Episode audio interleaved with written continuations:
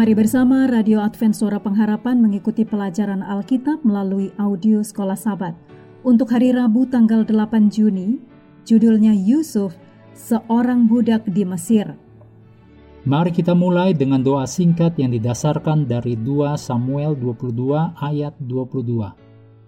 Ya Tuhan, bukit batuku, kubu pertahananku dan penyelamatku. Amin.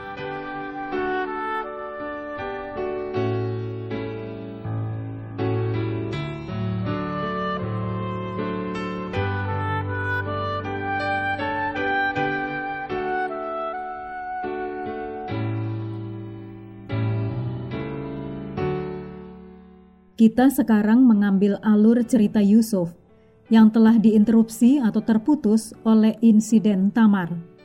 Yusuf sekarang bekerja sebagai budak untuk kepala pengawal raja yang bertanggung jawab atas penjara untuk pejabat kerajaan. Dicatat dalam kejadian 40 ayat 3 dan 4, juga kejadian 41 ayat 10 sampai 12. Kejadian pasal 39 mencatat tentang Yusuf di rumah Potifar.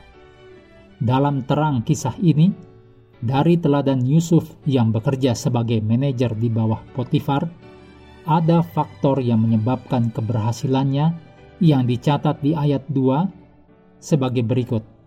Tetapi Tuhan menyertai Yusuf sehingga ia menjadi seorang yang selalu berhasil dalam pekerjaannya. Segera Yusuf dicirikan sebagai orang yang sukses Demikian ditulis dalam kejadian 39 ayat 2 dan 3. Yusuf begitu baik dan tuannya begitu mempercayainya sehingga segala miliknya diserahkannya pada kekuasaan Yusuf dan bahkan menjadikannya kuasa atas rumahnya. Demikian ditulis dalam kejadian 39 ayat 4. Namun, kesuksesan tidak merusak Yusuf.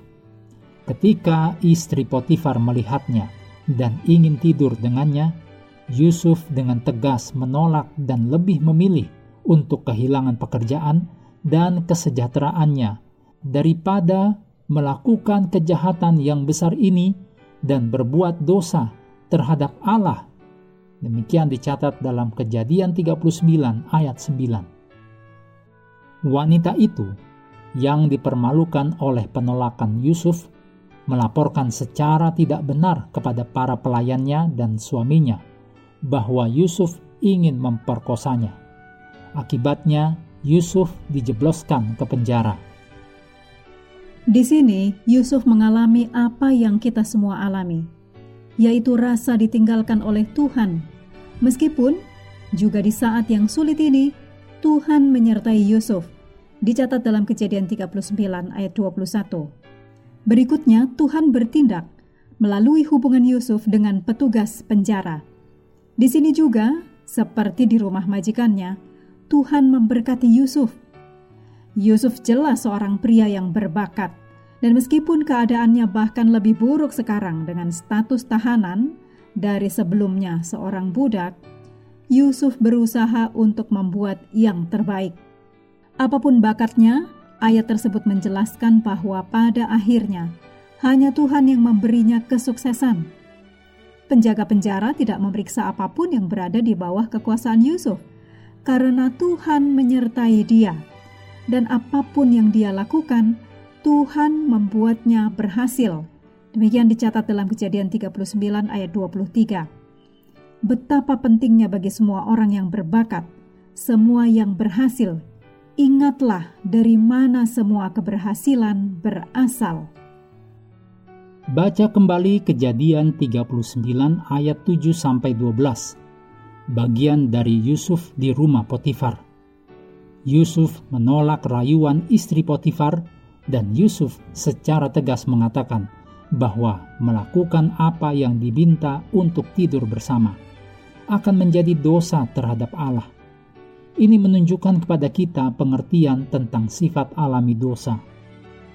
Mengakhiri pelajaran hari ini, mari kembali kepada ayat hafalan kita, kejadian 37 ayat 19.